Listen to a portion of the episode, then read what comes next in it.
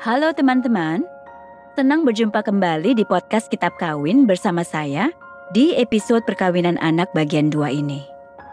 Sekarang saya mengajak teman-teman sekalian berkenalan dengan Sulfa, kawan muda kita yang giat berkampanye menentang perkawinan anak di Bone, Sulawesi Selatan. Menurut data Susenas 2018, Sulawesi Selatan adalah provinsi dengan angka perkawinan anak tertinggi di Indonesia yaitu sekitar 14 persen, lebih tinggi dari rata-rata nasional. Dari angka itu, praktik perkawinan anak paling banyak terdapat di Bone. Dalam lima tahun terakhir ini, kampanye anti perkawinan anak terus digalakkan di Bone. Kebanyakan lewat lembaga-lembaga kemanusiaan seperti UNICEF. Tapi untuk menjadi aktivis kampanye anti perkawinan anak di daerah yang konservatif seperti Bone, tentu tidak mudah Apalagi bagi seorang remaja perempuan yang tumbuh besar di Bone seperti Sulfa, dan yang selama ini justru dijadikan korban penindasan oleh sebuah sistem patriarkal yang telah lama mengakar urat. Sulfa memang bukan remaja biasa. Dalam usia yang baru 16 tahun, ia mewakili Indonesia sebagai salah satu penampil dalam seri UNICEF Girls Coping with COVID-19 dan tak henti-hentinya berkampanye tentang bahaya perkawinan anak, termasuk memberi pencerahan kepada teman-temannya yang dipaksa menikah di usia anak. Saya sangat tertarik untuk membahas mengenai perkawinan anak karena dampaknya sangat banyak bagi masa depan anak, terutama anak perempuan. Saya merasa bersyukur bisa mewakili anak Indonesia dan menyuarakan pendapat saya secara internasional.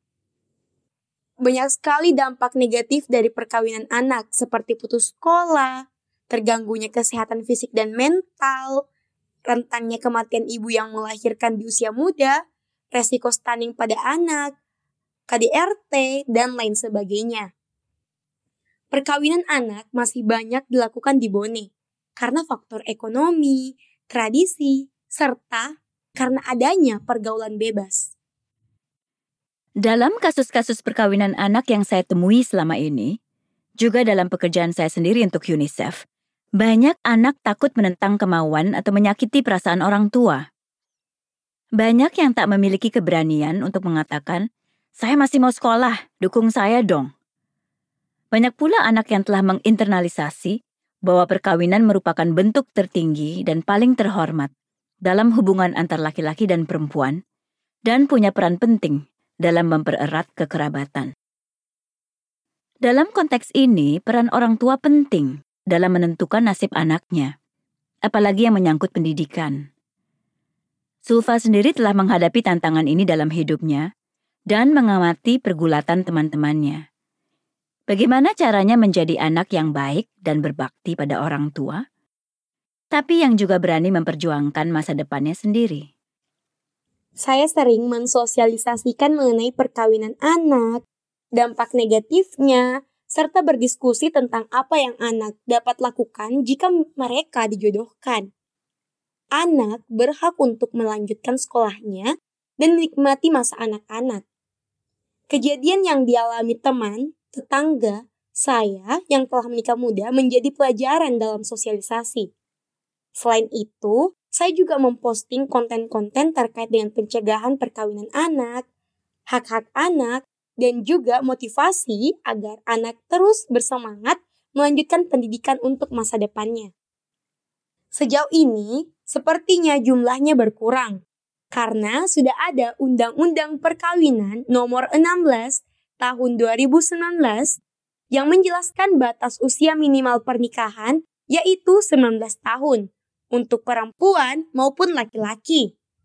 Sepertinya orang tua yang ingin menikahkan anaknya juga mengalami kesulitan untuk mendapatkan dispensasi. Namun, yang sulit dibendung adalah perkawinan siri yang tidak tercatat di negara.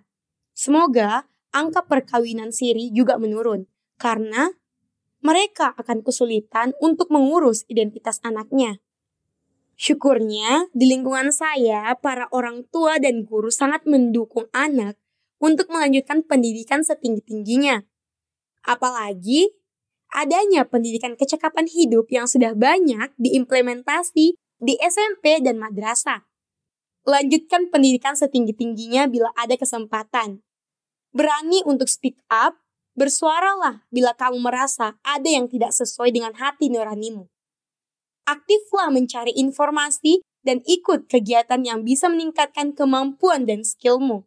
Beranilah untuk bercerita bila kamu ada masalah ke orang yang kamu percaya dan dapat membantumu seperti orang tua, guru, dan sahabatmu.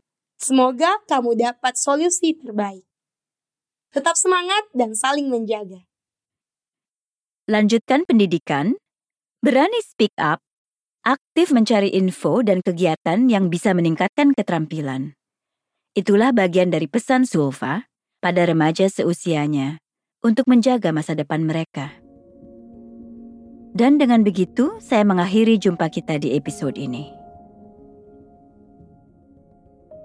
Saya Laksmi Pamuncak, host dari podcast Kitab Kawin.